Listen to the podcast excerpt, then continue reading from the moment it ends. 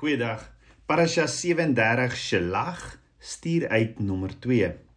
Ons het gesien Abba Vader het nie die 12 verspieders gekies nie, want sien wanneer Abba Vader vir jou 'n belofte gee, is jy nie veronderstel om dit eers te sien voordat jy dit glo nie. In Hebreërs 11 vers 1 sê die geloof dan is 'n vaste vertroue op die dinge wat ons hoop, 'n bewys van die dinge wat ons nie sien nie. Maar Abba Vader het ons met 'n 'n eie wil geskape en wil hy hê dat ons 'n keuse vir hom moet maak. Hy wil hê ons moet 'n keuse in geloof maak. So ons het gesien Moses het die verspieders met 'n duidelike opdrag gestuur om die beloofde land te gaan verken. En die opdrag wat Moses gegee het was baie duidelik: gaan baken die gebied af. Gaan kyk hoe vrugbaar die land is. Bring van die vrugte van die beloofde land terug sodat daar aan die kinders van Israel gerapporteer kan word. Die verspieders was nie gevra om 'n studie te maak van die moontlikhede om daar te bly nie. En Abba Vader het reeds aan hulle gesê dat dit 'n land van melk en honing is en dat hy vir hulle gee en dat dit die doel van hulle verlossing uit Egipte was. Maar ons weet Abba Vader se woord was nie goed genoeg vir hulle nie. En die opdrag was nie om te gaan kyk of hulle daar wil en kan bly nie, maar om te gaan kyk hoe 'n wonderlike land hy vir hulle voorberei het. Maar voordat Moses die verspieders toegelaat het om te vertrek, het Abba Vader Moses iets laat doen wat regtig vreemd voorgekom het. Moses het die naam van Hosea, die seun van Nun, verander. In die vertaal van Hebreëus in na Engels en Afrikaans het die name ander spellings gekry. Daarom sien ons nie die verskil regtig raak nie en moet ons gaan kyk wat staan in die Hebreëus, anders is dit glad nie vir ons betekenisvol nie en kan hierdie iets beteken. So in Numeri 13 vers 16 staan Moses het Hosea die seun van Nun Joshua genoem. Hosea wat by berg Sinai gedien het as die getroue knegg van Moses wat die spioen wat Moses gekies het om die stam van Efraim die tweede geborene mag gekose seun van Josef te verteenwoordig voordat Hosea by die ander uh, verspieders aangesluit het, het Moses egter Hosea na hom toe geroep en die letter J in die Hebreëse alfabet by Hosea se naam gevoeg en sy naam verander van Hosea wat verlossing beteken na Joshua wat beteken ja sal red of ja sal verlos. 'n J in die Hebreëus verteenwoordig die hand van Abba Vader. Wat se hand? Kan dit dalk Abba Vader se regterhand wees want Abba Vader sê in Jesaja 41 vers 10: "Wees nie bevrees nie want ek is met jou. Kyk nie angstig rond nie want ek is jou God. Ek versterk jou, ook help ek jou, ook ondersteun ek jou met my reddende regterhand." So daar's 'n J by Joshua se naam gesit en dit ook hoekom Yeshua in Matteus 5 vers 17 18 sê moenie dink dat ek gekom het om die wet of die profete te ontbind nie. Ek het nie gekom om te ontbind nie maar om te ver, vervul. Want hoor wat sê hy want voorwaar ek sê vir julle voordat die hemel en die aarde verbygaan sal nie een jota of een titel van die wet ooit verbygaan totdat alles gebeur het nie. Ook hierdie belofte aan die kinders van Israel staan opgeteken in die naam van Joshua Josua het dus die hoop op verlossing vir die kinders van Israel geword. Sy naamgenoot Yeshua sou natuurlik die uiteindelike vervulling wees van die belofte wat Abba Vader aan die kinders van Israel en vir ons gemaak het. Abba Vader het alles wat alles weet, het dus voor die sondes van die verspieders of die spionasie episode die jot by Hosea se naam gevoeg want hy het geweet wat gaan gebeur. Hy het geweet dat die kinders van Israel hom nie gaan vertrou nie en gaan wegskram weens vrees. En daarom het sy het hy sy belofte reeds voor hulle Abba Vader nie Shema Heer luister nou by nie, het hy hernie, naamlik dat hy inderdaad 'n kind van belofte bonatuurlik verwek sou stuur om alles wat op die punt is om verlore te gaan te verlos of red. Want sien, Joshua sou anders as die 10 spioene of verspieders vertrou op die regterhand van Abba Vader, die hand van krag waarmee hy die kinders van Israel uit Egipte verlos het. Die Here Jod by Hosea se naam te voeg, het Moses die seun van Nun geïdentifiseer as die prototipe, die voorloper van Yeshua ons Messias. En hoe groot is ons God? So Numeri 13 vers 21 tot 25 sê en hulle die 12 verspieders het opgetrek na die land om die land te verken van die woestyn sin af tot by Rehob na die ingang van Hamat. Hulle het in die suideland opgetrek en tot by Hebron gekom en daar was Iman, Sesaja en Talmai, die kinders van die e-, Enakite. En Hebron is 7 jaar voor Suan in Egipte gebou. Daarop het hulle toe by Dal Eskol gekom en daar 'n rank met een tros druiwe opgesny en twee het dit aan 'n draagstok gedra ook van die granate en van die vye. Die plek het hulle die Dal Eskol genoem vanweer die tros wat die kinders van Israel daar afgesny het, hierdie groot druiwe tos. En na verloop van 40 dae het hulle teruggekom van die land om nadat hulle die land verken het. En al die kinders van Israel is opgewonde oor die terugkoms van hierdie 12 verspieders. En ek dink hulle kon nie wag om te hoor wat die verspieders te sê het oor hierdie beloofde land wat Abba Vader vir hulle het nie. Hulle was 40 dae weg en nou is hulle veilig terug. Almal se fokus is gerig op hierdie 12 verspieders en natuurlik hierdie vrugte wat hulle saamgebring het. Numeri 13 vers 26. Wanneer laas het die kinders van Israel vrugte gesien? En ewe skielik is niemand se fokus meer op die wolkkolom nie.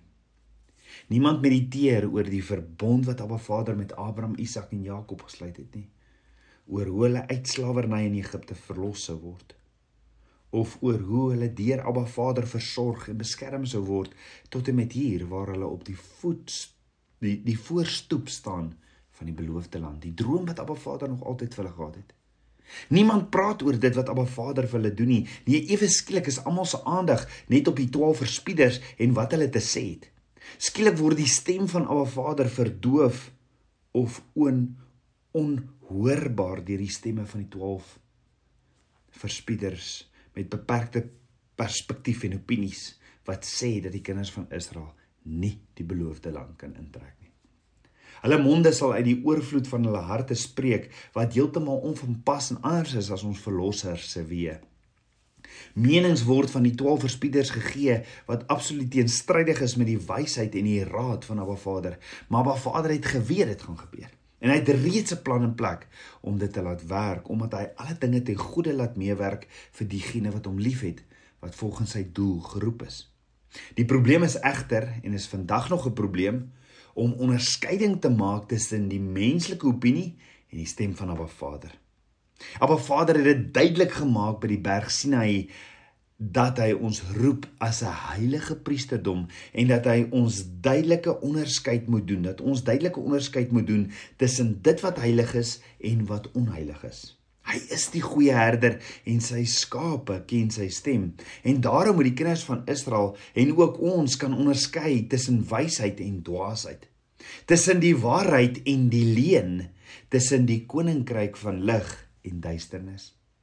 Jy sien Abba Vader se verbondskinders behoort baie goed te weet in die wandel saam met Abba Vader wat die verskil is tussen die liefdevolle leiding van ons goeie herder en die angstige vreesagtige woorde van die gefalle mens. Ons het nodig om op 'n Vader se woord en sy beloftes te ken. Want Abba Vader sê in Hosea 4 vers 6: My volk gaan ten gronde weens 'n gebrek aan kennis. En omdat jy die kennis verwerp het, sal ek jou verwerp, sodat jy vir my die priesteramp nie sal bedien nie. Omdat jy die wet van God vergeet het, sal ek ook jou kinders vergeet. Tabernakels kind van Abba. Ons het soos die kinders van Israel nodig om die gevaartekens te herken van die vyand. Ons moet dadelik kan onderskei wat heilig, kadosh of afgevader is. Afge, afgesonder is van Abba Vader. So hoekom nie vir Abba Vader vra vir die gawe van onderskeiding nie? Want onderskeiding beteken om te identifiseer tussen die koninkryk van God en die koninkryk van duisternis. Die gawe van onderskeiding is in die gees, want Abba Vader is gees. Onderskeiding is om te kyk deur die rookskerm, deur dit wat voorgehou word. Nie met jou fisiese oë nie, maar met jou geestelike oë. En die woord sê die vyand kom en doen hom voor as die engel van die lig. So hy het 'n sterk onderskeiding. Ek en jy het 'n sterk onderskeiding nodig want soos ons weet, die keuse in die tuin van Eden wat voorgehou is, was nie om te kies tussen goed en sleg nie. Nee, dit was om te kies aan wie onderwerp ek my? Aan Abba Vader of aan myself of mense? So die gawe van onderskeiding is die onderskeiding tussen gemengde saad van die kennis van goed en kwaad, want dit kom van Abba Vader af, die waarheid of dit kom van die Vader van die leuen af. En daarom kan ons Abba Vader vra vir die gawe van onderskeiding om ons sy bruid, sy kinders te bevry. Jy sien, ons gaan soos die kinders van Israel vals doktrines of opinies van mense kry. En daarom ook gee Abba Vader vir ons hierdie gees van onderskeiding sodat ons dit kan herken. Nou meer as ooit. Hoekom nie vir Abba Vader vra vir hierdie gawe van onderskeiding nie? Dis nie om hierdie inspekteur van preke te word om na al die pastore se preke te luister en sê waar hulle verkeerd praat nie. Dis nie om hierdie inspekteur van kritisie te word nie. Nee, Abba Vader, Abba Vader gee vir jou die onderskeidingsvermoë om vir jou te wys tussen valse doktrines sodat jy vir daardie mense kan bid en om jou te beskerm sodat jy net in sy waarheid staan. Jy gaan ook leuns herken met die gawe van onderskeiding. Jy gaan valse profete herken. Maar dis ook om vir Abba Vader te vra as hy vir jou hierdie gawe van onderskeiding gegee het om nie kritiserend en veroordelend voor te kom nie. Die gawe van onderskeiding is 'n baie spesiale verdediging teen leuns. Want wanneer bemagtig ek die vyand? Wanneer ek sy leuns glo. So as ek nie onderskeiding kan maak van die leuen nie, dan bemagtig ek die leenaar. So die hoofdoel van onderskeiding is om eers vir Abba Vader te vra, is hierdie inligting van die regte bron af? Want onthou die vyand gee homself voor as die engel van die lig. Dis wat die kinders van Israel moes gedoen het, maar hulle het nooit eers ag geslaan op wat Abba Vader vir hulle gesê het nie. Jy sien wanneer ek my onderskeiding van Abba Vader af meet aan sy woord, sal ek sien as die Vader van die leuen probeer mislei, want al wat hy wil doen is om ons te kry om 'n leuen te glo. Die oomblik wat ons die leuen vat, of vat ek dit as 'n waarheid, bemagtig ek die vyand. En dan eers is daar 'n ketting wat my kom vasbind sodat ek die waarheid sien. Want die waarheid wat ek ken sal my vrymaak. Dis wat Yeshua sê in Johannes 8 vers 32 en dan breek die ketting.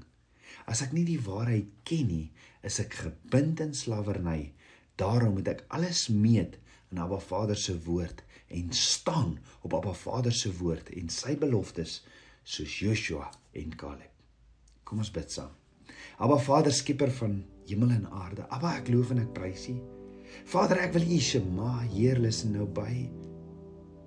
Ek wil U stem ken, Vader.